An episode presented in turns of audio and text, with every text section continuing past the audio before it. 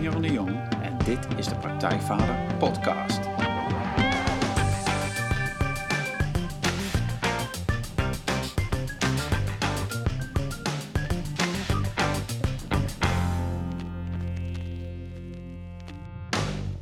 Welkom bij een nieuwe aflevering van de Praktijkvader Podcast. Jeroen hier en goed dat je luistert. Zoals elke aflevering interview ik een inspirerende gast die jou verder gaat helpen bij de volgende stap in je vaderschap. Ik vraag schrijvers, coaches, wetenschappers, kunstenaars naar hun vak, hun ervaringen en hun tips en trucs over hoe jij met meer ontspanning en plezier de vader kunt zijn die je je kinderen en jezelf gunt. En deze keer is schrijver, avonturier en verhalenverteller puurzang Geert Kimpen te gast. Welkom Geert. Dankjewel Jeroen, nou, heel fijn uh, dat je hier op zo'n ouderwetse manier op bezoek bent met twee microfoons aan de keukentafel. Ja, dat mooi. Uh, is heel leuk. Ja, nou mooi. Geert, ik vertel eerst even wie jij bent en wat je doet en dan gaan we straks het gesprek in. Um, nou, Geert Kimpen combineert in zijn vele boeken levenslessen, wijsheden uit andere culturen, inzichten over liefde en seksualiteit. En dan wel op zo'n manier dat je, als je eenmaal een van zijn boeken hebt opgepakt, je het niet meer weg kunt leggen. Zijn debuut, De Kabbalist, werd meer dan 100.000 keer verkocht en zal nog veel vaker gelezen zijn. En zijn laatste roman, Het meisje dat aan de oever verscheen, is een prachtig en spannend verhaal over hoe een jongen door het leven en de vele ontmoetingen met anderen wordt ingewijd tot volwassen man. Geert werkte in eerste instantie jarenlang als acteur en theaterregisseur, maar de komst van zijn dochter bracht daar veranderingen aan. En hij besefte dat als hij wilde dat zij haar dromen zou gaan volgen in haar leven, dat hij dat zelf ook moest doen. En vanaf dat moment volgt Geert nog meer zijn eigen droom en is hij fulltime schrijver. Het thema van je eigen leven creëren en de liefde volgen is verweven in al zijn werk en heel zijn leven. Boeken schrijven is voor Geert het delen van inspiratie, troost en bezieling. En in die zin, en ik zal niet de eerste zijn die dat zegt, lijken zijn boeken wel veel op die van Paulo Coelho. De liefde en seksualiteit komen steeds terug in het werk van Geert. En zoals hij dat zelf zegt, eh, hebben we eigenlijk een veel te beperkt beeld van wat seksualiteit nu is. Seksualiteit en erotiek zijn manieren om jezelf en je partner ten diepste te leren kennen. Die diepe en zelfs heilige seksualiteit vind je terug in de tradities van oude culturen van over de hele wereld. En met zijn boeken laat Geert ons daar kennis mee maken. En hij beschrijft dat zo dat je zelf ook absoluut zin krijgt om zelf met die vervullende seksualiteit aan de slag te gaan. Ja, dat spreek ik uit eigen ervaring. Um, in dit gesprek zullen we uiteraard stilstaan bij de liefde, seksualiteit uh, en waarom Geert zo gefascineerd is door andere culturen. Maar we gaan het ook hebben over de ontwikkelingsreis van jongen naar volwassen man en welke stappen daarin nodig zijn. En natuurlijk hebben we het over Geerts vaderschap, wat voor zo'n belangrijk keerpunt in zijn leven zorgde. En ongetwijfeld komt er nog veel meer ten sprake. Nou Geert, welkom in de podcast. Dankjewel voor deze prachtige inleiding. Ik ga er helemaal van blozen. Ja, mooi. Um, nou, ik heb ja, ontzettend uitgekeken naar dit gesprek. Um, we zouden op heel veel manieren kunnen beginnen. Maar omdat dit nou de Praktijkvader podcast is, wil ik beginnen met het vaderschap. Want jij schrijft zo mooi op je, op je eigen website en ook in een ander interview hoorde ik jou dat vertellen. Dat de komst van jouw dochter echt zorgde voor een ommekeer of een soort wenteling in, jou, in jouw leven op dat moment. En um, ja, zij werd geboren. En wat gebeurde daar toen? Ja, dat was op een uh, kerstnacht, wat het natuurlijk uh, sowieso een beetje magisch maakt, uiteraard.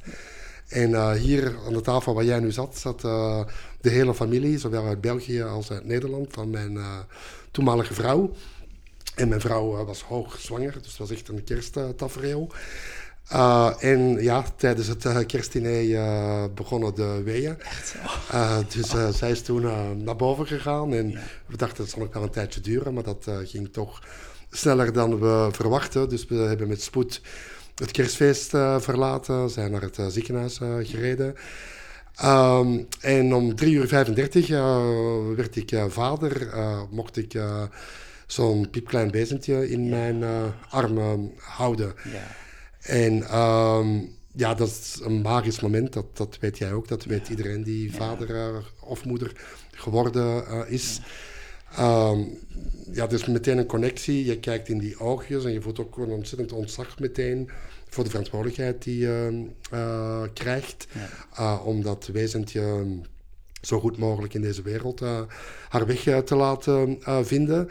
En dat was mijn grootste wens voor haar, dat, dat zij dat zou kunnen worden en zijn waarom ze naar hier gekomen was. Ja. En ik had ook iets van, ja, ik zal alles doen om, om, om dat mede mogelijk te maken. Maar op dat moment dat ik dat bedacht, uh, dacht ik tegelijkertijd van... Shit Geert, maar jij doet dat eigenlijk al een tijd niet meer. Ik uh, was toen theaterregisseur.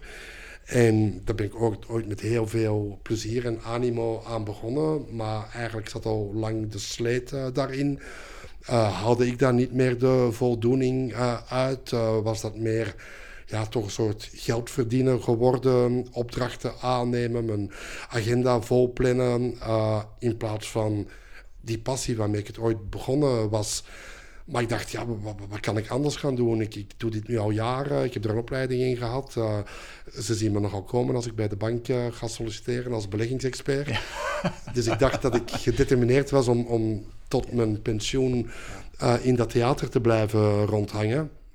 En toen had ik iets van, als ik dit meisje ooit wil voorleven dat zij alles, dat alles mogelijk is en dat ze moet gaan doen wat haar hart daarin geeft, ja, dan zou ik dat nu zelf moeten gaan doen. Want anders dan ja, word ik zo iemand die vanuit de bank uh, mijn zak chips naast zich zit te zeggen: Zonneke, je moet je dromen gaan volgen. En dan zegt zij natuurlijk tegen mij: Ja, jij dan, papa, je hangt hier als een zombie voor die televisie. en je doet zelf al jarenlang tegen je zin je werk. Waarom zou ik mijn droom achterna gaan?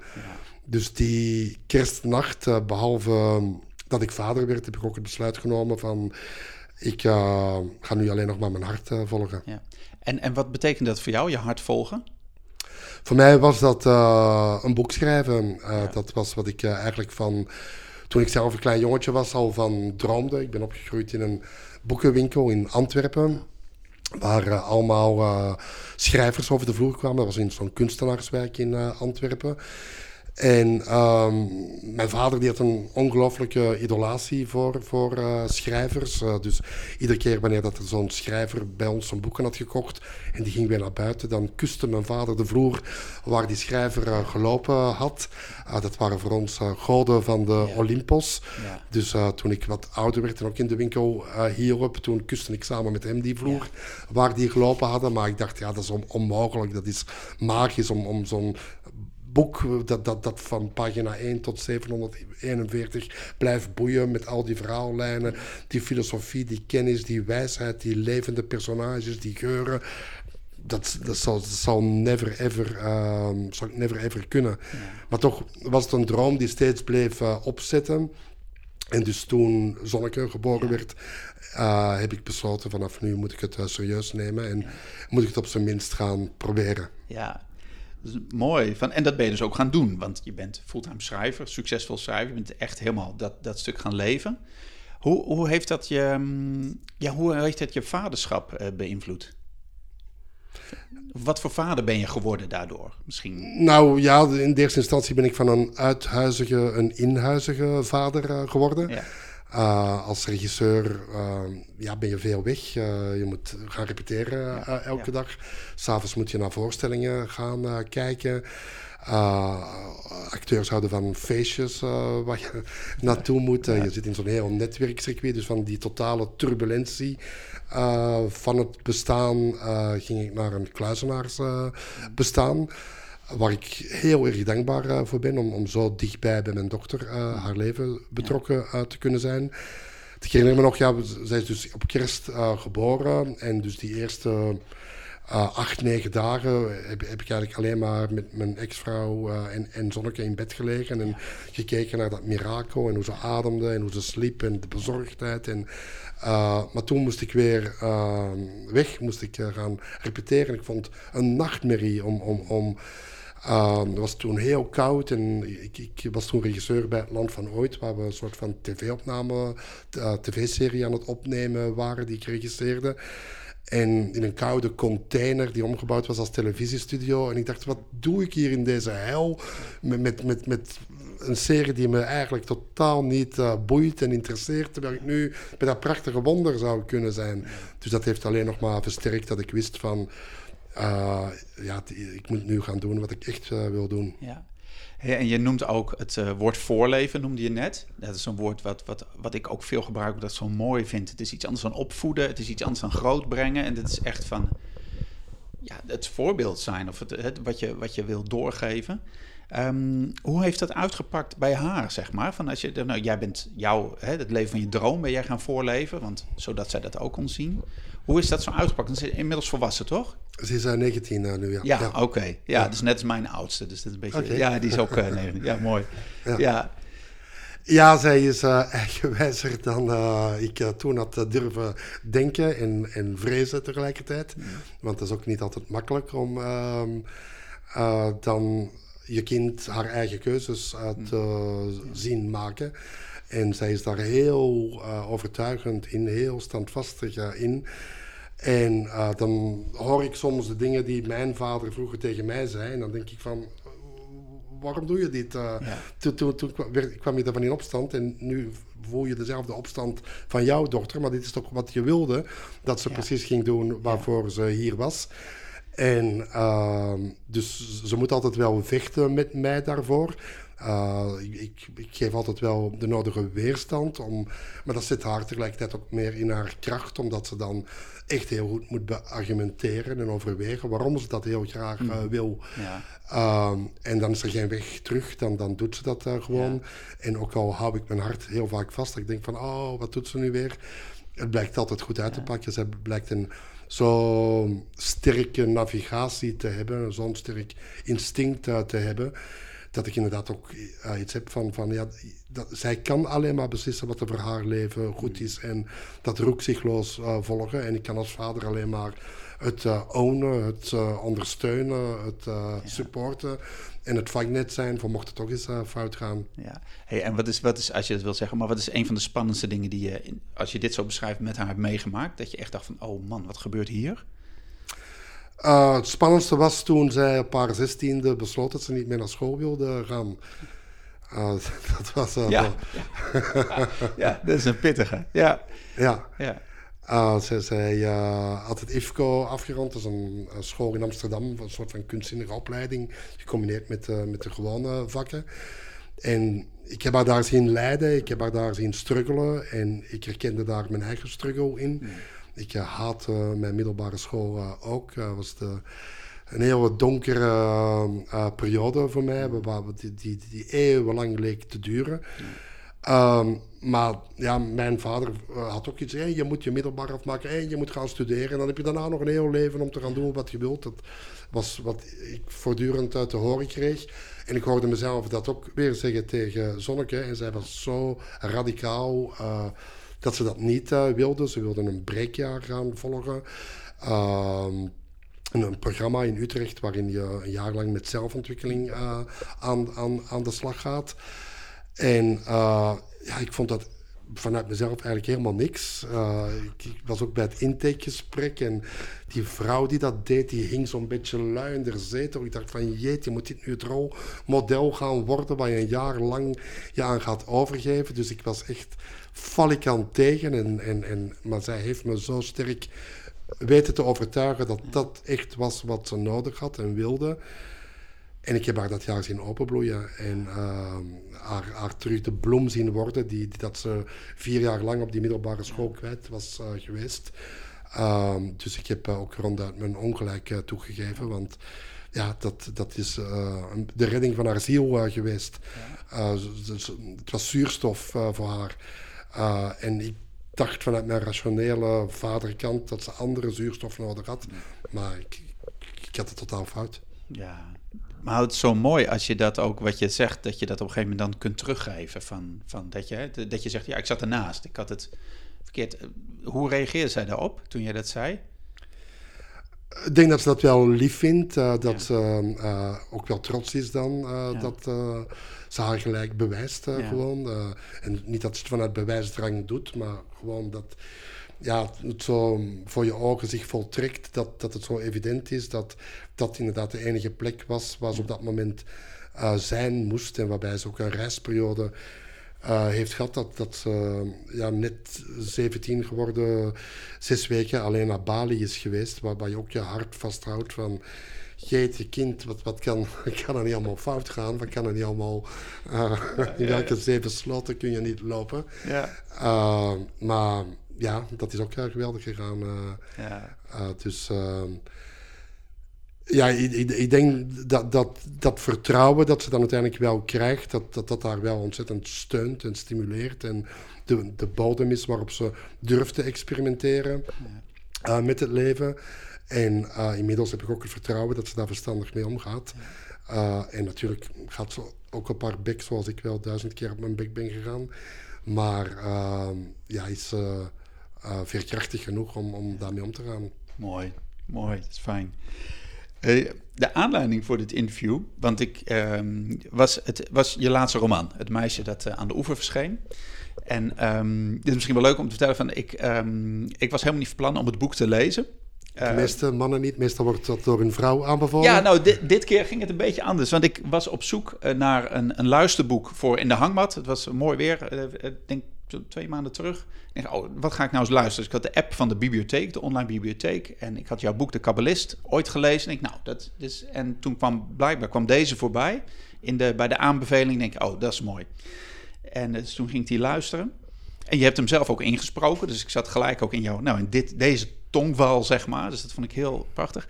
En wat ik niet verwacht had, want ik had alleen maar aangeklikt en geluisterd. Denk, oh, dat gaat over een meisje dat aan de oever verschijnt gaat het ook wel over, maar het gaat eigenlijk over, uh, vooral over de jonge uh, Kama, die, die, die opgroeit uh, en zijn, zijn roeping gaat volgen op zoek naar de liefde. En zo in een hele mooie reis eigenlijk die ontwikkeling van jongen naar man doormaakte. Dus dat, ik denk, nou, daar heb ik het altijd over in mijn trainingen, zeg maar. Jij vertelt het op zo'n mooie manier.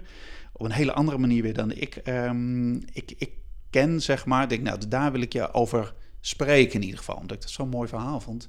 En dus ik ben benieuwd van, van wanneer wist je dat je dit verhaal ging schrijven? Om, om ja, over die, die, die, die jongen die volwassen wordt. Ja. ja, is een beetje ook een magisch uh, achtergrondverhaal eigenlijk. Um, eerst was het een kort verhaal, het meisje dat aan de oever hmm. verscheen. Dat ik um, ja, tien jaar geleden of zo uh, geschreven heb in opdracht van een uh, tijdschrift die vroegen om een kort verhaal te schrijven. En in tegenstelling tot, ik, ik, ben niet een, een, vlotte schrijver in de zin van, je hebt van die schrijvers die elke dag, Arno Grunberg bijvoorbeeld, die schrijft elke dag 2000 woorden zonder problemen. Daar ben ik groen van jaloezie uh, op. Uh, ik wou dat ik dat kon, bij mij gaat dat trager. en, en ook iets nieuws maken, dat vraagt meestal veel denkwerk, maar bij dit niet. dit verhaal dat leek zichzelf uit te schrijven. En dat zijn de grote geschenken als schrijver, wanneer het mm. zichzelf uitschrijft. Ja. Dat gebeurt helaas niet uh, elke dag. Denken mensen wel van, oh, dat schrijft zichzelf zeker. Nou, dat is dus echt niet zo. Nee. Um, en um, het, het, het, frappante uh, is dat, dat op precies die dag dat, dat ik dat verhaal schreef, dat er een meisje in Nijmegen uh, was, die ik toen totaal niet uh, kende.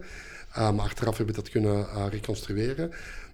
die heel veel mediteert en die op die dag een visioen kreeg van je zielsverwant komt eraan. En hij is blond, hij heeft blauwe ogen. en en ja, een soort man zoals ik dus eigenlijk was, kreeg zij voor ogen, die komt eraan, vertrouw erop. Zij vond dat heel vreemd, want in haar beleving had ze haar zielsverwant al ontmoet in haar leven. Die relatie was weliswaar uitgegaan, maar ze had dit van, ik heb dit gekend, dus uh, ik weet niet wat ik met dat uh, visioen uh, moet. en ze kreeg zelfs een datum daarvan door dat dat zou oh. gebeuren. maar ik, ik, ik, ik, was gelukkig getrouwd, dus ik, ik was ook daar helemaal niet mee bezig. Um, tot op een bepaald moment mijn huwelijk in zware verkeer uh, te, terecht kwam.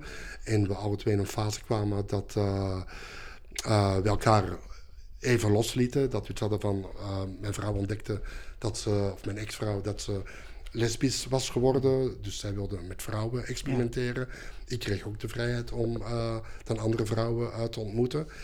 En ehm, net op dat moment zag ik op Facebook een, een berichtje van iemand die uh, over mijn boek bij iemand schreef van... Goh, heb je de boeken van Geert Kimp wel eens gelezen? Want die heeft het heel vaak over tempopriesteressen. En ik ging kijken naar wie dat ze dat bericht schreef. En dat was Michelle Chanty. En zij bleek ook schrijfster te zijn. En ik zag haar foto. Ik dacht van, zo, dat is wel een leuke vrouw. Het zou wel gek zijn als ik die geen uh, vriendschapsverzoek uh, stuur. En uh, dus precies op die dag die zij in haar meditatie had doorgekregen, uh, zijn wij bevriend uh, geraakt uh, met elkaar. Geweldig. En eigenlijk gebeurde dus wat er ook in het verhaal gebeurde, dat dus iemand langskwam in, in, het, in het verhaal dan langs de oever, waar een meisje staat die zegt van, ik heb een jaar op jou gewacht en nu ben je er. En ja, Michelle die had eigenlijk ook al die tijd op mij gewacht en die herkende mij ook onmiddellijk. Dus het leek alsof ik dat boek in, in of dat verhaal uh, al een soort van voorspellende gave in zich had, wat ik toen absoluut niet van bewust was, van het meisje dat ik aan de oever zou gaan uh, ontmoeten. Wauw, wow, nou, dat is inderdaad wel een sprookje. Dat is, uh, dat is mooi. En, en hoe kwam je bij dat thema van, van, omdat vervolgens, want het verhaal was kort, dus je hebt het uitgewerkt tot een, tot, tot een dikke roman om, uh, om dat over die, ja, over die ontwikkeling van jongen en man te gaan schrijven? Ja, om, omdat uh, een, een, een, liefdesverhaal eindigt meestal wanneer de geliefden elkaar ontmoeten. Uh, en ehm, bij ons begon het verhaal daar pas. Ja. Dus we ontmoeten elkaar, maar we waren alle twee niet klaar om elkaar te ontmoeten. Of ik was in elk geval niet klaar daarvoor. En dat was ook in mijn leven zo. Uh, ik, ik, ik, ik, zat wel in die vrije periode van mijn ex-huwelijk, maar ik had wel op zich nog het vertrouwen. We gaan elkaar terugvinden en we gaan elkaar, we gaan weer connecten en we gaan hier mm. uitkomen. Uh, terwijl Michelle, haar hart stond wijd open. Die, die wilde zich volledig verbinden met mij. Ik was haar zielsverwant, de man waarop wie ze gewakt had. En, en ik ging tussen die twee in. Ik, ik was waanzinnig gek op Michelle, maar ik dacht, ik, ik, mijn huwelijk uh, moet ik, uh, moet ik uh, redden.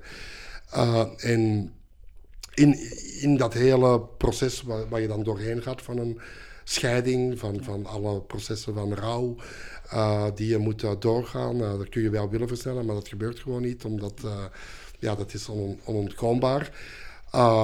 heb ik het gevoel dat ik zelf man ben geworden, dat ik zelf al die lessen heb moeten leren. Uh, om uh, mezelf uiteindelijk proberen te vinden. Ja.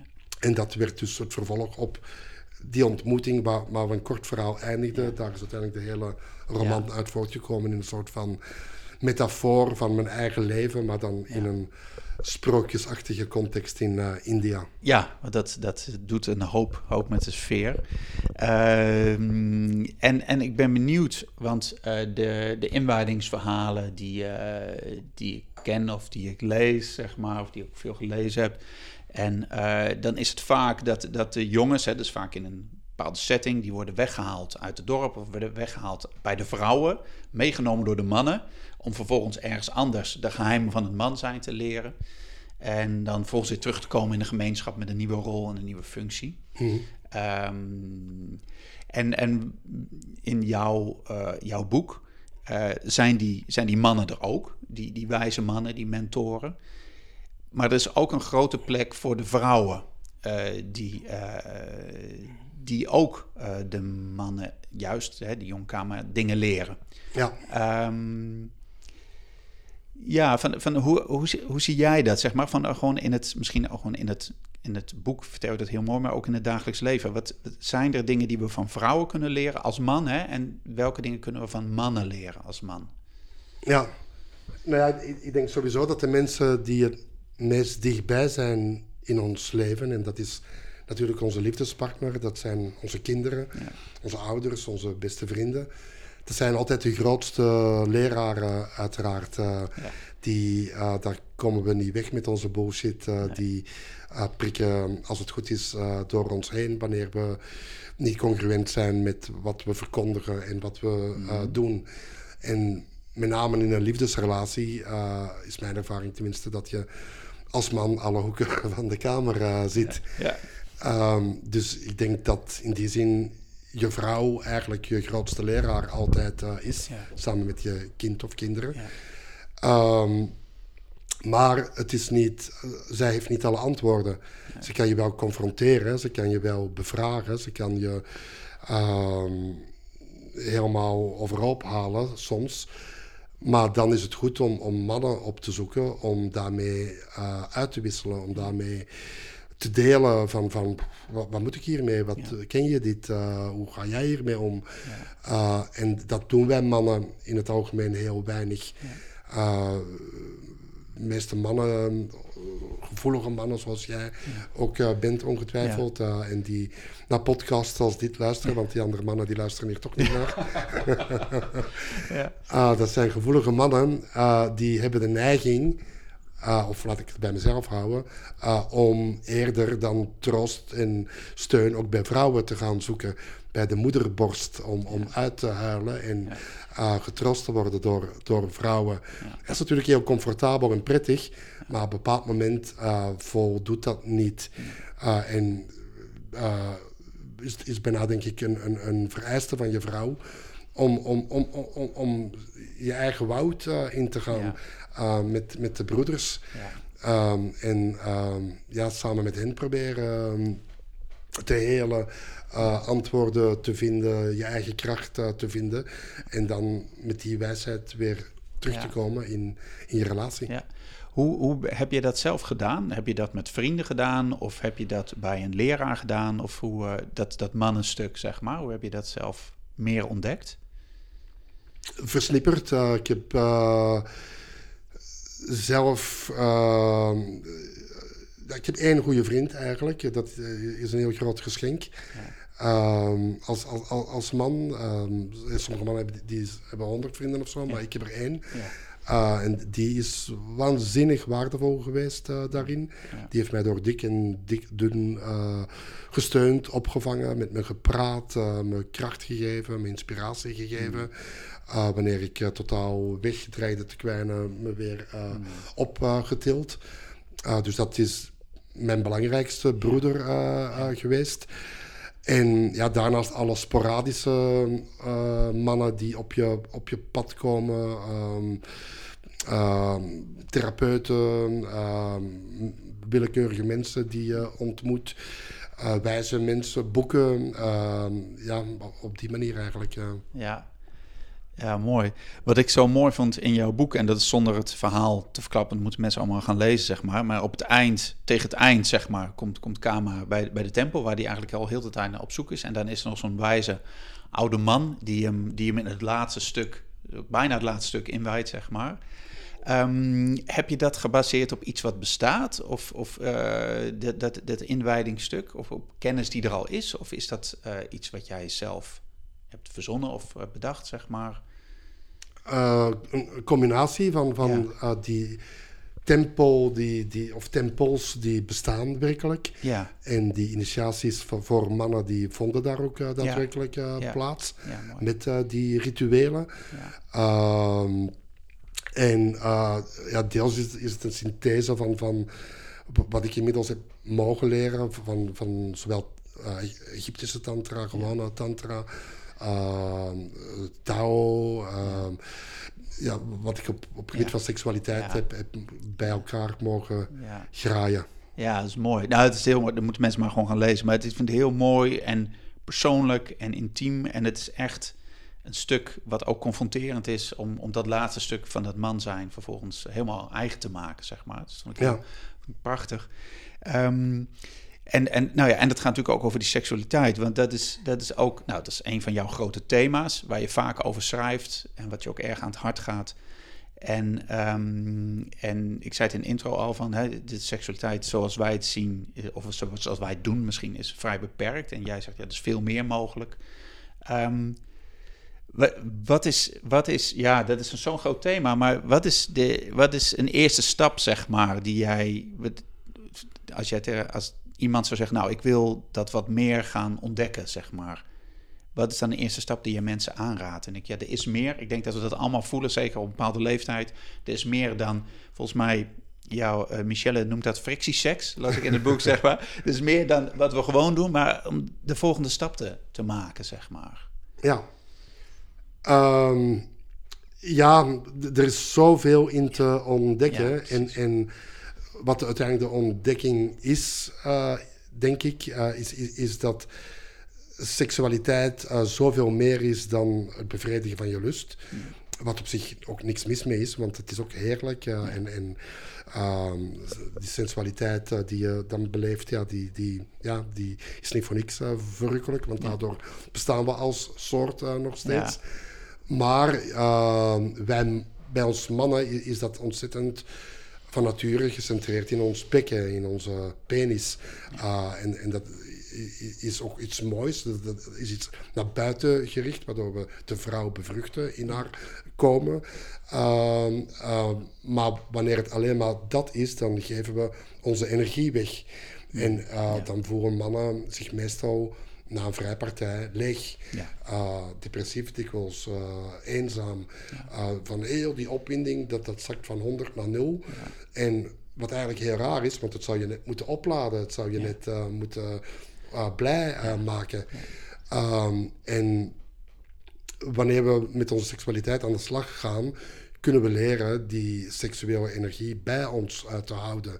Uh, dat ze niet alleen in ons bekken gecentreerd is, maar dat ze door ons hele lijf uh, circuleert en vooral ook bij ons hart. Ehm, wat, wat, wat het zoveel intenser maakt om met je partner samen te zijn. Dat, dat het niet alleen die lust is, maar dat je hele hart open gaat en dat je werkelijk echt liefde ervaart. Ja. En die liefde die kun je zelfs nog meer op doen stijgen naar een spirituele beleving. Dat ook je pijnappelklier open gaat en dat je zelfs spirituele connectie hebt tijdens het uh, vrijen. En dat hoeft allemaal niet zo ernstig te zijn. Dat hoeft allemaal niet een hogeschool te zijn, waarbij je allemaal ingewikkelde uh, Kama Sutra-standjes of zoiets moet gaan uh, beoefenen. de hele clue is eigenlijk ademen. Hmm. door je adem kun je die controle krijgen, kun je dat reguleren door samen te ademen, samen in dat ritme te komen, samen connectie te houden. Alleen al elkaar blijven aankijken. Uh, niet met je ogen toe op je eigen lust gericht, maar connectie door uh, je ogen uh, met elkaar te hebben en te communiceren met elkaar. Ja, is, is het eigenlijk niet zo heel moeilijk om verdieping in je seksualiteit aan te brengen. En als je het dan echt nog verder wil verdiepen, ja, dan kun je bijvoorbeeld de Taoïstische uh, weg uh, gaan, waarbij je eerst vanuit zelfbeminning uitgaat en je eigen lichaam ontzettend goed gaat leren kennen om van daaruit beter connectie te maken. Of de Tantrische weg, die meteen vaak vanuit partnerschap uitgaat om die seksuele energie ehm, te sublimeren, te transformeren. Um, dus er zijn ontzettend veel richtingen die je dan uh, uit uh, kan gaan. Ja. Maar dat vraagt dus hè, van, van de, inderdaad, wat alleen al zegt, door elkaar aan te blijven kijken tijd, tijdens het vrije, zeg maar, dat doet al heel iets anders. Ja. Het vraagt een soort, soort, soort, soort bewustwording of zo. Dat, het ook, dat er meer kan, dat het anders kan, zeg maar. Ja. En dat, en dat wat ik merk van, hè, van, van, van ik geef ook samen met, met Wendy, mijn vrouw, geven ook relatiebegeleiding. En veel ouders, vooral als er kinderen zijn, het is altijd, het, er is, iedereen is moe, er is nergens tijd voor, zeg maar. En, de, en die relatie gaat al wat meer naar de onderkant van het prioriteitenlijstje, naar seksualiteit al helemaal. Ja. Ehm, dus, dus, dus hoe kun je dan, hè, ook dat wetende, zeg maar, die, die, die stap naar meer verbinding maken? Hoe, hoe doe je dat dan? Um, ja, dat is het gevaar van jonge ouders natuurlijk, dat, dat je ouders wordt ja. en geen minnaars uh, meer. Ja, precies. Ja. Uh, dat, dat is denk ik uh, ja, waar heel veel koppels tegen, tegenaan eh, lopen. En ehm, ik denk dat daar eigenlijk een taak voor de man in is weggelegd. Omdat vrouwen nog veel meer, denk ik, dan mannen verdwijnen in dat ouderschap. Uh, vaak ook meer taken uh, op zich nemen dan mannen, waardoor ze uitgeputter uh, geraken. En, en, dat alleen dat moederinstinct aan, aan, het werk is en niet meer de vrouw in hen plaats krijgt. Dus het is eigenlijk heel simpel. Mannen gaan A, je vrouw helpen ja. met de opvoeding van de kinderen, waardoor dat ze ontlast wordt en, en, en tijd voor zichzelf heeft. En uh, weer uh, kan ademen, letterlijk, ja. op rust, tot rust kan komen. En uh, neem initiatief, faciliteer dat er quality time is voor ja. jullie. Ja. door je kind een avond uit te besteden, of een weekend, of, of, of whatever wat je nodig hebt op regelmatige basis zodat je gewoon echt weer met elkaar kunt connecten. En dan denk je misschien van, oh, doe ik mijn kind daarin niet tekort?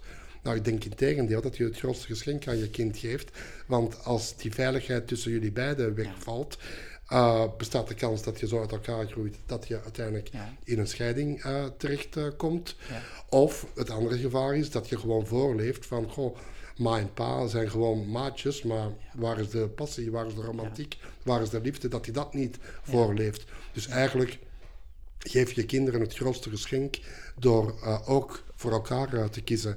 Maar ik denk dat het heel, dat dat eigenlijk uh, een initiatief van de man moet zijn. Want de vrouw die is zo instinctief uh, op die opvoeding uh, gericht. Ja. ja, dus dat, oh, dat is heel mooi. Want dan, mannen willen vaak iets doen. Dus in dit geval zeg jij, nou, ga ook iets doen. Hè? Neem het initiatief. Zorg, zorg voor die ruimte. Ga de afwas uitruimen, ga ja. koken. Ga, ja, ja, ja, al, precies. Ja, al die klusjes die misschien in jullie natuurlijke taakverdeling bij haar terechtkomen ga, die, ga haar daarin ontlasten. Ja, ja en, dan, en dan kijk dan wat er gebeurt of zo. Hè? Dat, dat als die ruimte meer ontstaat. Dat, uh, dus nou, dat is, iedereen die luistert, dit is echt een... Uh, gelijk praktisch, kun je gelijk iets mee doen, hè? dat is mooi, ja. ja. Nou ja, en, en, en in het vrije is het, is het ook zo, uh, als ik tenminste nog even ja, door, ja, ja. door, door ja, mag gaan, dat de intentie ook belangrijk is. Uh, wij mannen uh, vrijen dikwijls uit behoeftigheid. Uit, uit dat we iets komen halen, dat we warmte nodig hebben, dat we liefde nodig hebben, dat we onze honger kwijt moeten aan, een, aan een vrouw. en wanneer we leren die seksualiteit meer in onszelf te dragen, dan kunnen we meer geven aan onze vrouw. Dan kunnen we haar vullen, kunnen we haar optillen. En, natuurlijk halen we dan nog steeds ook uh, van alles uit haar. Het is een, het is een uh, wisselwerking, uiteraard. Maar wanneer we alleen maar vanuit behoeftigheid, vanuit ons eigen ding doen, van wat ze dan zeggen, gewoon een man die loopt alleen maar zijn pik achterna. Ja. in dat cliché zit soms ook wel iets dat we alleen maar willen vrijen om ons kwakje kwijt te kunnen. En uiteraard is dat na verloop van tijd niet meer bevredigend voor een vrouw, waardoor die zin ook minder wordt, waardoor ze ook iets heeft van ja, wat is de lol daar in godsnaam voor mij uh, in? Ja. Dus ook met onze eigen seksualiteit aan de slag gaan, uh, is ook tegelijkertijd een geschenk ja. voor onze partner. Ja, dat is wel mooi, want dat is wat, wat wij dan ook vaak in die relatietrainingen horen. Als het gaat over seksualiteit, dat, het, dat die seks dan vooral is van die man moet iets kwijt, zeg maar, lijkt ontladen. Of ja, zo druk op mijn werk, of weet ik veel van alles aan mijn hoofd. Dan in die, in die seksualiteit of in dat vrije raak ik mijn spanning kwijt. Nou ja, en dan is een vrouw eigenlijk een, een afvalemmertje. Ja, precies. En dat is verschrikkelijk toch, dat je vrouw dat wordt? Ja, ja en dat, dat, maar dat gaat ook of daar bewust van zijn. Dat, dat je snapt dat, dat dat is wat je doet of wat er aan de hand is. Ja. En dat je dan ook snapt dat je vrouw daar inderdaad geen zin meer in heeft. Of dat hij dat die daarvoor past. Ja. En dat hoop ik dan dat ze daarvoor past. Ja. En dat ze daar op een gegeven moment ook door heeft. Ja. ja. Ja, en dat kan natuurlijk heel pijnlijk zijn, ja. omdat het ook een bewustzijnsproces uh, is. Ja. Uh, en dat wel als man uh, denk ik dat er bijna niks meer pijn doet dan afwijzing. Ja. Uh, op alle mogelijke gebieden, maar zeker ook op seksueel ja. gebied. Ja. waardoor we in ons eigen kindstuk terechtkomen en gaan mokkelen en boos worden. En nog meer lading en behoeftigheid eigenlijk bij de vrouw leggen. waardoor de, de zin nog minder wordt. Um, dus die eigen verantwoordelijkheid nemen voor ons eigen stuk uh, daarin.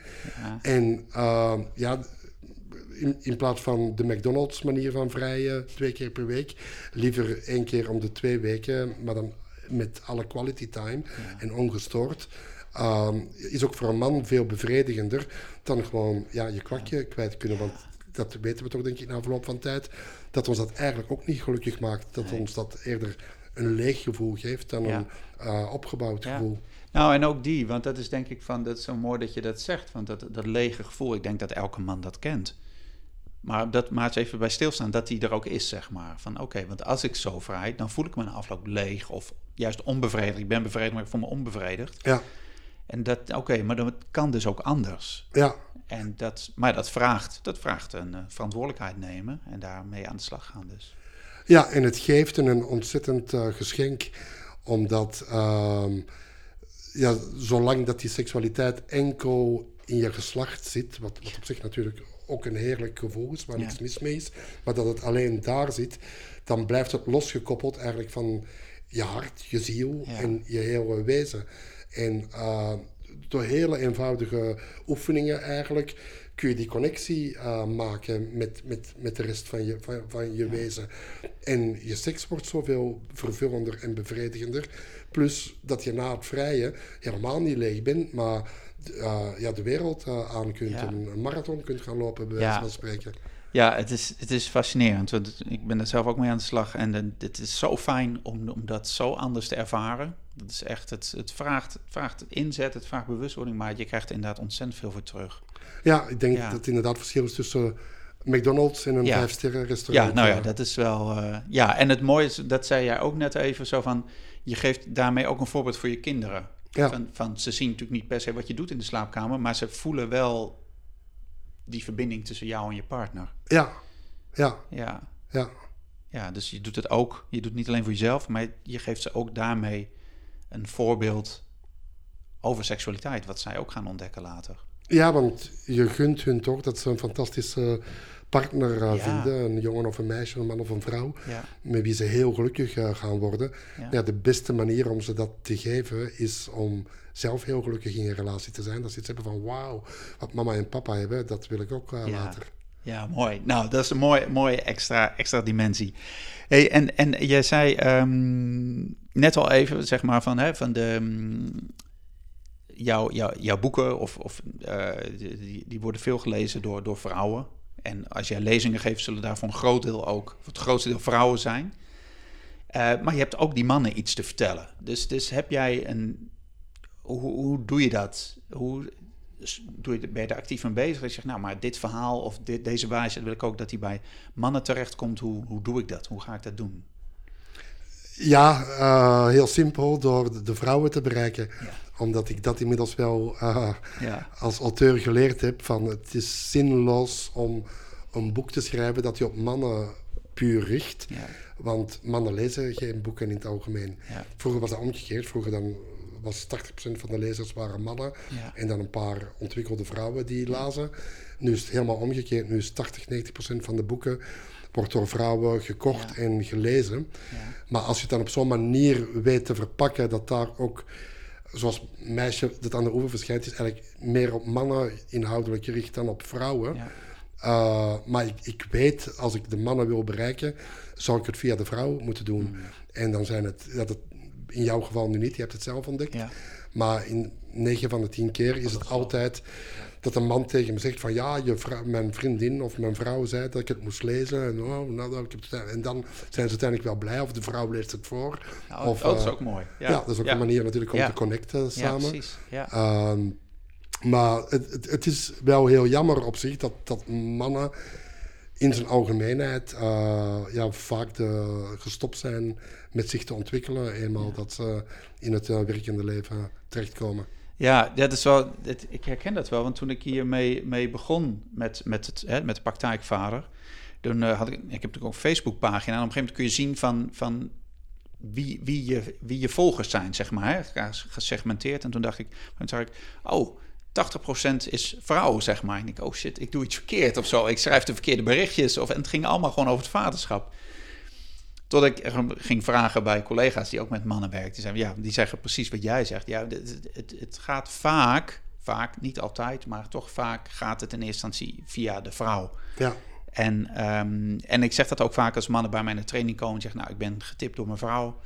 Zeg, ja, dat is niet erg. Dat, ja, sorry, ik ben getipt door mijn vrouw. Dat is niet erg, maar zeg maar dankjewel. En jij zit er nu hier omdat je hier wil zitten. Of jij leest dat boek van jou omdat je dat wil lezen. En je hebt er veel aan. Dus dat, dat, ja, daar kunnen we ook heel moeilijk over doen. Maar ik zeggen, ja, nou ja, dankjewel. Dat, dat, dat je het aangeeft of zo. Hè? Ja, dat is, ja. is heel, heel fijn.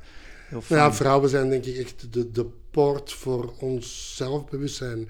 Zij wijzen dikwijls de weg, zij zijn daar sneller in, ontwikkelder in. eh, en ehm, ja, meestal wijzen zij ons eh, de weg. En het enige dat we hoeven te doen is eh, hun wijsheid serieus nemen.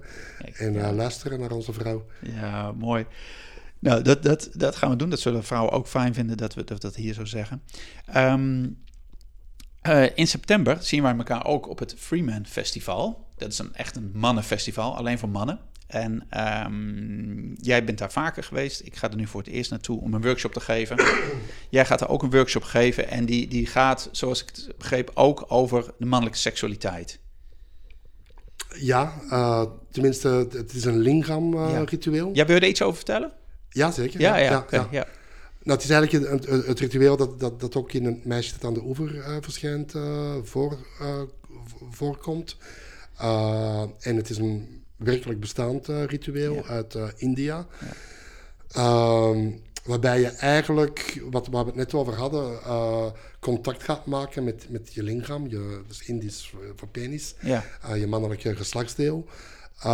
en die gaat helen voor ehm, alle goede dingen die die overkomen is, maar ook voor alle grensoverschrijdende dingen die hij misschien gedaan heeft. Hoef niet te zeggen dat je een verkrachting hebt begaan, maar die keer dat je misschien bij je vrouw toch door hebt gezet, terwijl ze eigenlijk toch wel subtiel aangaf mm. dat ze niet zoveel zin had.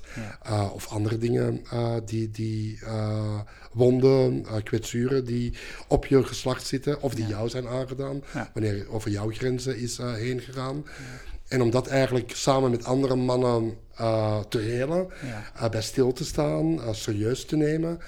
Ja. en opnieuw de verantwoordelijkheid te nemen voor je lichaam. het besluit te nemen vanaf nu zal ik hem verantwoord gebruiken. Ja. Zal ik hem dragen? Zal hij niet meer behoeftig zijn? Zal het een krachtbron zijn, een geschenk voor mijn vrouw en niet een dief die iets komt halen? dat is kort gezegd dat ritueel. Ja, en wat gebeurt er in zo'n workshop? Want je hebt hem voor daar eerder gegeven, zeg maar. Wat, wat, wat, ja, wat gebeurt er met die mannen? Hoe, hoe... Want het is, het is nogal niet wat om daar zo duidelijk over te praten met elkaar. Er zit toch ook vaak schaamte op. Um, ja, hoe gaan die mannen weg, zeg maar, van als ze die workshop hebben gedaan? Um, ja, ik heb het tot nu toe nog maar twee keer uh, gedaan. Ik heb het één keer met een groep mannen in India zelf uh, gedaan. Uh, met uh, lezers met wie ik samen met Michelle een reis door India heb gemaakt oh, in de voetsporen van mijn boek. En dan één keer op het Free Man Festival. En dat zijn natuurlijk al van nature een beetje uitgeselecteerde mannen die het niet zo heel vreemd vinden om met dit aan de slag te gaan. Nee, want ze, ze, kiezen zelf om die workshop te doen. Dus ja, ja. dat al. ja. ja. ja. Dus, maar, maar, los daarvan, dus dat, dat ik denk als ik dit bij een willekeurige groep eh, managers uh, bij Philips zou doen, dat dat een stukje lastiger zou uh, vallen. Ja. Uh, dus het is ja. een soort ja, groep die ervoor gekozen heeft, maar het is heel mooi. Het is, het is, het is ja, wanneer praten wij mannen over onze penis met elkaar? We praten heel graag over het lichaam van een vrouw. Van, oh, heb je die gezien? En wauw. En dat vinden we, we, zijn geobsedeerd door het lichaam van een vrouw. Ja. Maar ons eigen ding, ja, daar hebben we het toch nooit uh, over met elkaar. Laat staan over de gevoelens die, uh, ja. waar ons geslacht mee te maken heeft. De afwijzing, uh, sommige mannen niet functioneren. Ja. Um, ja. Er zit zoveel lading ook op ons geslacht. En we vinden het heel logisch dat een vrouw er veel ladingen op heeft zitten. En dat is natuurlijk ook zo. Dus zij is nog veel verkrampter vaak door alle uh, misbruik en grensoverschrijdend gedrag.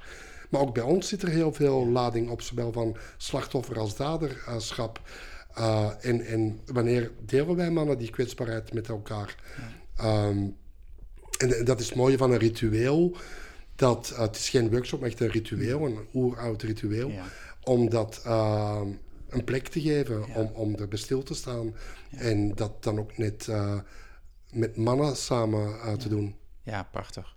Ja, ik merk het al als dat, als dat een keer ter sprake komt in, in, de, in de mannentraining voor de groepen die ik dan zelf geef. En dat gaat een keer over seksualiteit of over schaamte of over, weet ik veel, vroeg klaarkomen. Wat, wat, waar we het normaal allemaal niet over hebben, maar we daar allemaal mee zoeken of daar wel iets in ervaren hebben of zo. En dat, dat dan vaak op het moment dat die openheid er is, ja, dat iedereen, zoals dat zo vaak gaat natuurlijk, denkt van, oh, oh, ik ben niet de enige. Of, of jij hebt dat, of jij hebt dat zo meegemaakt. En dan dat er zo'n zo'n ontspanning eigenlijk op komt op zo'n onderwerp waar we eigenlijk een soort schaamte of een soort onvermogen op zitten vaak. Ja, ja, mooi. Heel mooi dat je dat weer Ja, dat, is, Dat, is, dat is mooi. En soms, ja, dus soms kan het, soms gebeurt dat. Ja. En, um, maar het vraagt ook, ja, het vraagt een soort, soort openheid ja, dat vraagt openheid daarin. Dus niet Ja. alleen van deelnemers, maar ook van mij als begeleider of van jou als begeleider. Ehm, dus dat is, dat, ja, dat is dan ook weer wat we te doen hebben natuurlijk. In het, dat is een andere manier van voorleven. Ik denk dat ik dat eigenlijk wil zeggen. Voorleven ook. Ja, Ja, en, en, en voor, mezelf zit er ook ontzettend veel weerstand altijd op. Omdat ik ook zo'n man ben die de neiging heeft om liever dit soort dingen met vrouwen allemaal te delen dan Ja. met eh, kerels. ja, Maar on- onlangs bijvoorbeeld heb ik zelf een workshop gevolgd. ehm, de, de Lingram Release eh, heette, heette dat. Een ontzettend mooie workshop eh, voor, voor alleen maar mannen eh, uiteraard. Eh, en, en bij mijn ritueel moeten mannen bijvoorbeeld niet bloot, eh, maar in, in die workshop wel. Moesten we echt met, ons, met onze Lingram ja. eh, aan, de slag. Ik vond het doodeng Ja. om met veertien mannen met je piemel in, een, in één ruimte te zitten. dat En- geloof en- ik. Ja. En mijn piemel die werd echt zo groot als een, eh, als een, als een korte duim. eh, Ja, ja. Van, van ja, een soort van intuïtieve angst of zoiets. Van Ja. dat, dat ik het eng vond, dat ik dat niet veilig vond. Eh, dus ja, er is voor ons mannen echt heel veel Ja. in te halen. We hebben nog wat te doen. Ja, ja. ja. Nou, ik vind het altijd zo mooi van. Ik, ik geef ook samen met, met Wendy, met mijn vrouw. En ook alleen, van- alleen voor mannen. Zweethutten. Zweethutrituelen. Oh, ja. En dan eh, zo te doen gaan we altijd aan het begin. eh, als ze een zweethut ingaan, zijn we nog bedekt met een omslagdoek of zo. En dan in de zweethut kan dat natuurlijk allemaal uit. En dan in het begin is iedereen nog een beetje van, nou vaak, niet iedereen hoor, maar oké, nou bedekt, want dat is veilig, dat is, dat is vertrouwd. Maar op een, als iedereen die, die zweethut heeft gedaan, iedereen helemaal, dan kruipt iedereen eruit en maakt het allemaal niet meer uit. En dan zijn we opeens mannen, vrouwen, weet je, dan, dat is zo bevrijdend eigenlijk. Ja. Om dan zo, ja, letterlijk schaamteloos eigenlijk, op de goede manier Ja, ons, ons, met ons lijf te kunnen zijn. ja, Ja, dat is... eh, ja. ja, dat kan niet altijd overal, maar dat is, dat is wel mooi om daar, ja, daar meer naar te kijken, wat je nu ook zegt. En ik vind het heel mooi omdat dan met mannen, dat er een plek is, hè, dat jij zo'n plek creëert om met mannen daar gewoon, ja, gewoon mee aan de slag te gaan. ja. Mooi. En ook dat hebben vrouwen natuurlijk veel meer van nature. Zowel dat fysieke, die fysieke nabijheid. Elkaar aanraken. Ja. eh, bloot zijn bij elkaar is voor vrouwen ook veel eh, gewoner. ja, Eh, dat zusterschap, elkaar opzoeken wanneer je ergens niet uitkomt. Ja. dat zijn allemaal dingen waar wij heel veel nog Ja. van kunnen leren van vrouwen. ja, ja, en iedere keer dat weer opzoeken. Ik hoor je ook zeggen, van, ik moest even een drempeltje over. Ik ken dat zelf ook, zo van, oké, ik vind het heerlijk om met mannen te zijn, maar soms dan is het ook weer, oké, ja, het is ook weer even die drempel over, zeg maar. Dus, Ja, Dus ik kijk ook uit naar dat, naar dat festival, omdat het een festival met 200 mannen, alleen maar mannen en fijne, fijne mensen, workshops. Dus dat is in begin september. Dus mocht je dat, mocht je dat willen, dan zoek dat even op het Freeman Festival. Ehm Geert, ik heb een paar korte vragen. Gewoon even, even ehm, je hoeft niet per se kort antwoord te geven, maar ehm, en, en is er iets wat jij regelmatig cadeau geeft aan, aan anderen? Misschien een van je boeken of misschien überhaupt iets anders wat je denkt, oh, dat vind ik altijd fijn om te geven. Of... goh. Ja, Ehm, nou, boeken geef ik per definitie nooit eh, cadeau. Eh, niet die van mezelf. En, en dat heeft dan gewoon met mijn auteurschap te maken. Dat Ja. ik denk van, mijn hart en mijn ziel zit erin. ja, Uh, dus dat, dat als, als, als, als, als je daardoor geïnspireerd wil worden, nou, het kost 20 euro. ja, Ik heb daar eh, drie, vier jaar van mijn leven in gestoken, dus dat geef ik niet weg. Nee, Ehm, en, maar ook niet boeken van, van anderen, om, omdat een boek is zo bijna een levend ding, vind ik, dat je de weg vindt naar degene die het nodig heeft. En eh, ja, ik heb, ik heb heel vaak boeken van mensen gekregen, nog bijna nooit een boek waar ik blij mee was. dat zijn al de boeken die ongelezen hier in de kast eh, staan. precies. Dat je niet wegdoet omdat je het gekregen hebt, maar dat iedere keer, ja, dat- dan doe ik wel eens mijn best om erin te beginnen, maar dan ehm, ja, is het toch niet wat, wat, wat ik nodig heb, wat ik zou uitzoeken, wat ik eh, wil. Dus dat sowieso niet. Nou ja, wat, wat, wat ik het liefst geef aan, aan, aan, aan, aan mensen is ervaringen. Dat, eh, ehm, veel meer dan iets, iets materieels. Ja. Een beleving, eh, naar theater eh, gaan, uh, reisje eventueel, ehm, een workshop, iets waar je iets meemaakt, iets, een herinnering maakt. dat vind ik het mooiste om te geven. Ja. Oh, dat is, ben ik benieuwd, want dat doe je vaak dan vast ook. Heb je dat gedaan met je dochter, zeg maar? Is het iets wat je, wat je op die manier cadeau hebt gaan aan je dochter, wat, wat echt heel fijn was, wat, je, wat, je, wat mooi was, zeg maar, een ervaring? Ja, mijn dochter en ik uh, reizen veel met, met elkaar. Ja. Uh, uh, vroeger reisden we met z'n drieën toen ik nog getrouwd was. En ja, door die echtscheiding werd het opeens met z'n tweeën. Uh, mijn dochter en ik. Ja. En ja, daar ben ik eigenlijk zo ontzettend uh, dankbaar uh, voor. ze is net als ik ook gek op reizen. En we wisselen af. De ene keer mag zij kiezen waar we naartoe gaan, en de andere keer waar ik naartoe wil. en dan leer je elkaar ja, zo anders kennen. Zo ben je twee ja, vrienden ook die, die op reis zijn samen. Ja. En je komt in spannende situaties terecht. En, en je wordt ontroerd over bluffende mooie dingen die je ziet of meemaakt. Ehm, dus ik denk dat ons dat wel en dicht bij elkaar heeft gebracht en ook wel haar gevormd heeft mede. Ja. ja. mooi. Staat, staat nog een reisje op het programma binnenkort? Ga je... Nou ja, dat is natuurlijk het nadeel als je dochter wat ouder uh, wordt, dat zij drukker heeft dan jezelf. ja, precies. Ja. dus ik hoop het wel. Uh, en natuurlijk de afgelopen twee jaar was het überhaupt bijna onmogelijk om uh, te reizen. Ja. uh, maar ik hoop dat we snel weer... Ja. ja. zij wil heel graag naar Mexico en dat lijkt me ook heel leuk. Ja, ja. prachtig. Mooi. Hey, en, en met wie, misschien met welke man zou je nog eens een keer rond een kampvuur willen zitten of een fijn gesprek willen voeren? Van, van oh, die, daar ben ik wel nieuwsgierig naar. Die zou ik wel eens gewoon lekker gewoon zonder microfoon, maar gewoon een gesprek. Gewoon lekker bij het vuur. Met jou? Ah, ja, ja. ja nee, dankjewel. Dat gaan we binnenkort doen. Maar hey, en, en, en, um, en stel je mocht een... Uh, nou, kom hier aan over de snelweg, zeg maar. Stel je mocht zo'n zo langs de snelweg zo'n groot billboard neerzetten. Wat zou je erop zetten? Als, als jij, het maakt niet uit, je mag alles opzetten wat je wil. Iets wat je heel veel mensen mee zou willen geven. Zo'n korte, krachtige boodschap. Um, nou ja, zeker in deze tijd uh, zou ik uh, iets uh, zetten als, als geef de eerste die je tegenkomt een knuffel. Omdat ik denk dat we zo vereenzaamd zijn, vereenzaamd zijn met z'n allen. Ja. zo bang zijn geworden voor elkaar. Omdat ja, ieder mens werd als een soort van potentiële moordenaar uh, gezien van, van jou. Ja. Uh, die afstand die we uh, van elkaar gehouden hebben. Ehm, ja, de, dan zou het echt zijn van gegeven in godsnaam een knuffel aan de eerste die je tegenkomt. Ja, mooi. Oh, dat is een mooie. Nou, dat is mooi. Gewoon doen ook. Ja. en, um, en ja, wat, wat, ik ook nog eigenlijk bij stilstaan is, is, is um, is, is, is de rituelen. Van, jij schrijft veel over rituelen hè, en daar hebben we het net ook over gehad. En ehm, wat ik dan zelf altijd lastig vind, dan lees ik natuurlijk zo'n boek van jou. En in een andere cultuur lijken die rituelen allemaal zo mooi te passen. En iedereen dat dagelijks, en denk ook met zo'n zweetuitritueel, denk ja, dat is in zo'n, in zo'n inheemse stam is dat veel meer een, een, wat, wat gewoon in de cultuur past.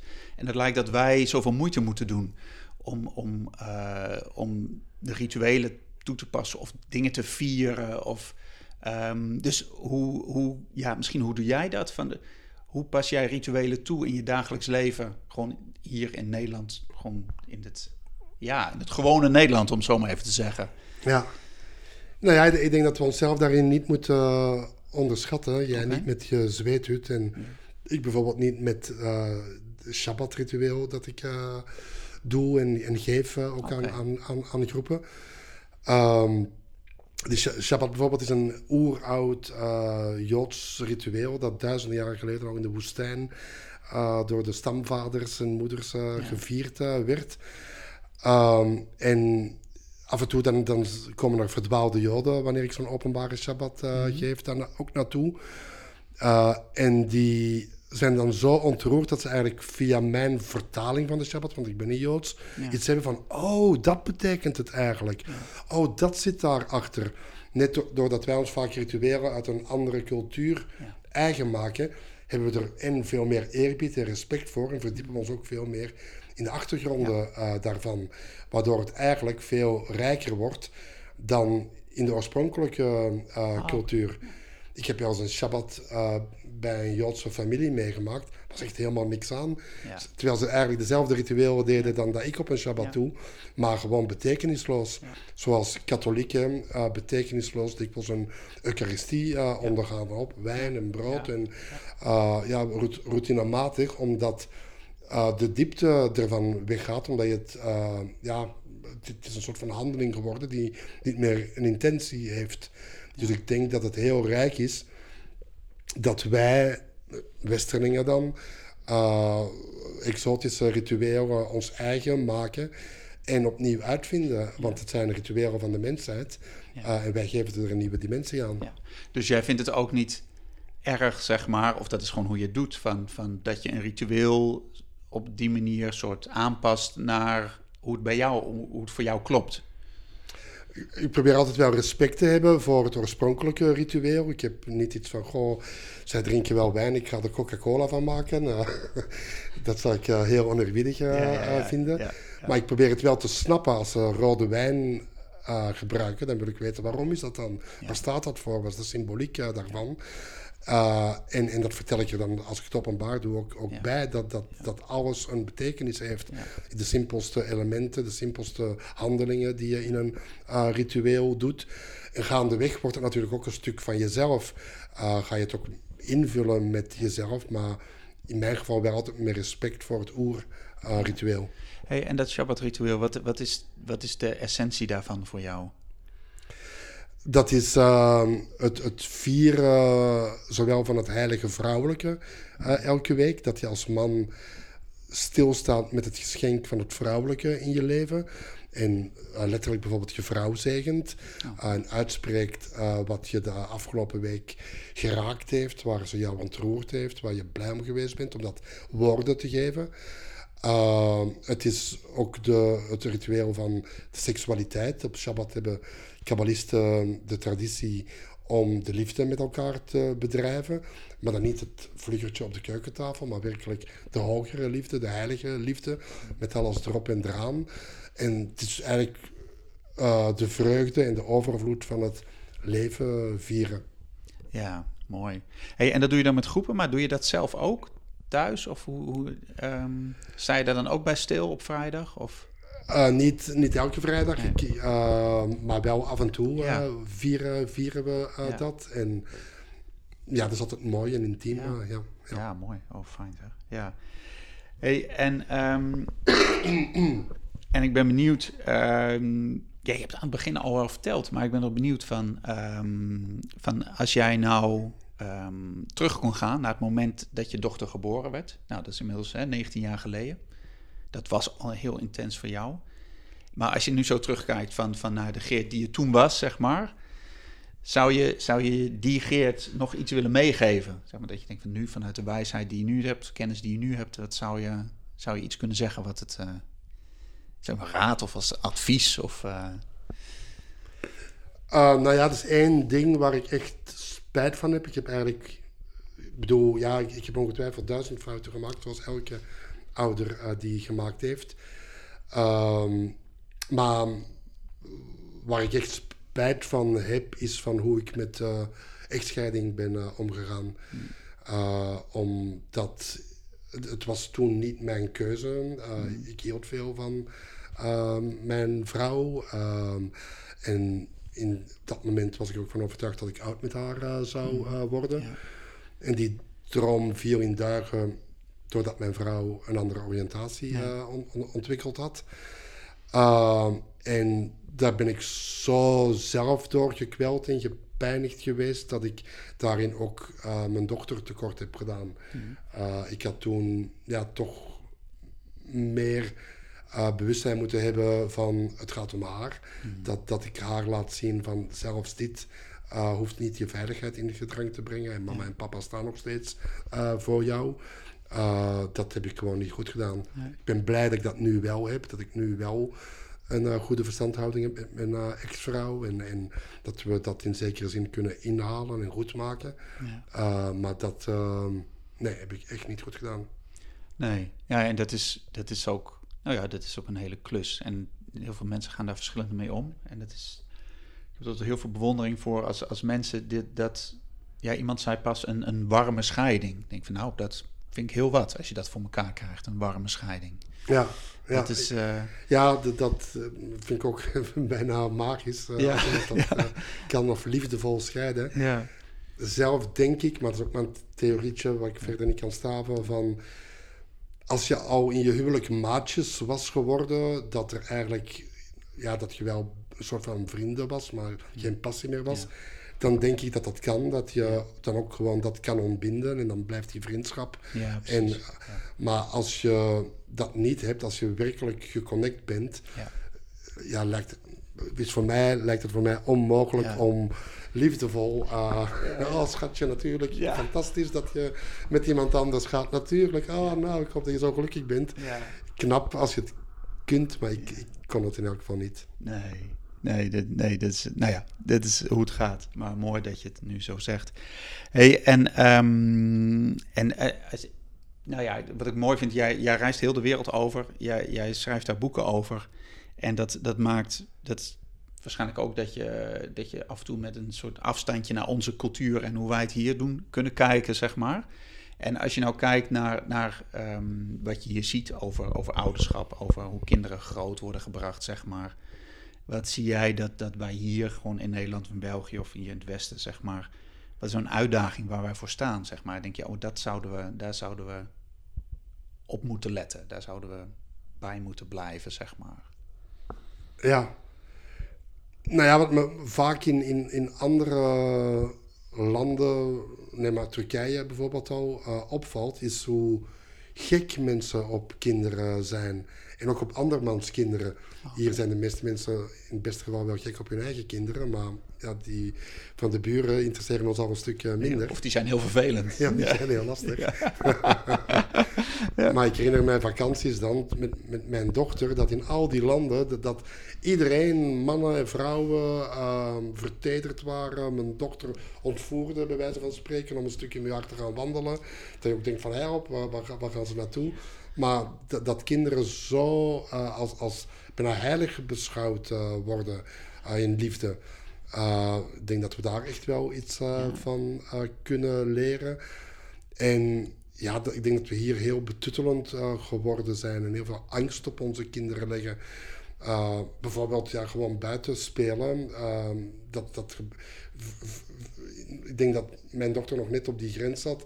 Dat pleintje hier uh, zat altijd vol met kinderen die uit de buurt die met elkaar een hele dag van alles nog wat aan het doen waren. En dat we ook ons eigenlijk geen seconde druk hoefden te maken of we zonder een auto of zo zouden lopen. Want er waren wel wat oudere kinderen die ermee opletten. Het ging altijd goed. Maar ik denk dat we meer en meer onze kinderen binnenshuis uh, houden. Ehm, dat ze op tijd naar bed moeten, allemaal strenge regeltjes. Uh, terwijl ik denk als we een kind natuurlijker laten meeleven met ons ritme, dan uh, wordt een kind vanzelf wel op, op een redelijke tijd moe en gaat naar bed zonder dat we eigenlijk twee uur moeten gaan discussiëren. Terwijl we in plaats van twee uur discussiëren kunnen we ze beter twee uur er laten bij zijn, dat ze dan echt in slaap vallen en uh, echt willen slapen. Dan dat we constant onrustig zijn en dat ook weer overbrengen op ons kind. Van ga naar bed en het is tijd en nu ben je weer al wakker. En, uh, dus ik, ik, denk dat we te veel geregeld willen hebben uh, in onze uh, cultuur. En, en waar, waarom is dat? Waarom, doen, waarom zijn wij hier zo mee bezig? Ja, ik denk dat we kinderen soms als vervelende ondingen in ons leven beschouwen. Ja. Uh, ja, van we willen wel een kind erbij, maar we willen ook uh, ons werk natuurlijk. En we willen onze vrienden, we willen onze hobby's en uh, we willen onze gezellige etentjes met onze vrienden. En dat zijn allemaal dingen waar we onze kinderen van wegsnijden, want daar horen ze allemaal niet bij. Ja. Terwijl ik denk, laat, neem, neem ze mee. Ook van zoveel mensen die zeggen van, uh, als ze een kind krijgen van, oh, nu is het reizen wel voorbij. Helemaal niet. Een kind vindt het heerlijk om overal mee naartoe te gaan. En ja, soms dan is het lastig en soms is het. Maar ja, dat is ook weer voor jou zelf een leermoment van hoe ga ik hiermee om. En, en het kind leert de wereld uh, kennen. Ja. Uh, betrek haar in alles wat je doet. Neem maar mee naar je werk. Laat haar zien wat je doet. Dat je niet, papa gaat naar kantoor en een flauw idee wat hij daar uitspookt uh, verder. Ja. dat, dat we veel meer samenleven zouden kunnen leven met onze kinderen, denk ik. Ja, mooi. Hey, en hoe doe je dat nu? Want jouw dochter woont zij nog thuis of is zij, woont zij op zichzelf? Of? Ehm, ze is net twee maanden geleden uh, voor het eerst zelfstandig gaan wonen. Oké, ja. Dus dat is een, ja. een uh, pijnlijk, uh, ja. of ja, niet pijnlijk, maar ja. dat is wel wat. dat is, En trots natuurlijk, maar ook ja, wel stil. ja. Ja, en heb je een idee hoe dat, hoe dat jouw vaderschap verandert of beïnvloedt? Dat ze niet meer bij jou thuis woont? Het verdiept het eigenlijk, ja, merk ik, tot mijn verbazing. Uh, ze belt me, ik zal niet zeggen elke dag, maar toch wel om de paar dagen op zijn minst. Met, met en haar verhalen, maar ook altijd iets waar ze advies over wilt. Terwijl toen ze hier woonde, dan, dan was, was dat veel meer uh, uh, geïrriteerd van als ik advies of zo wilde geven. Ah ja, weet ik zelf wel. Of dit of dat. Maar nu wil ze sparren over, over uh, dingen. Dus dat vind ik heel ontroerend eigenlijk. Dat ze en haar eigen vleugels uitslaat en kan doen en laten wat ze wil. Dat, dat kon ze sowieso wel, maar nu helemaal ongelimiteerd. Ja. Maar dan toch ook ja, die basis blijkbaar blijft nodig hebben om uh, te sparren en feedback ja. te krijgen. Ja, oh, dat is mooi. Dat is een geruststellende gedachte voor al die mannen en vrouwen die ook luisteren. Die denken van ja, maar als ze dan de deur uit zijn, dan is het klaar, zeg maar. Maar dan, dan krijg je juist weer een andere dynamiek, een andere ontwikkeling. Het is heel gezond eigenlijk, ja. denk ik. Omdat je net op een bepaald moment ja, wordt het nest letterlijk te klein voor een kind. Dan moet ze eruit. Ja. Want anders dan ga je elkaar de hersens toch inslaan. Ja. En als ze eruit is, dan is het net weer veilig om af en toe naar het nest te vliegen om uh, even weer die ouderwetse warmte uh, te ervaren. En dan weer haar eigen leven uh, in te gaan. Dus ik, ik, ik, was er ook heel erg bang voor. Maar nee, ik denk dat je er. dat het weer een nieuwe mooie fase in het ouderschap is eigenlijk. Ja, mooi. Prachtig. Dat is ook een mooie afsluiter, Geert. Mooi. Ja, mooi. Mooi. Nieuwe fase in het ouderschap. Um, ja, als, als, als laatste eigenlijk gewoon heel praktisch. Als mensen meer over jou willen weten, over jouw boeken, over jouw verhalen, over waar kunnen ze terecht? Je website?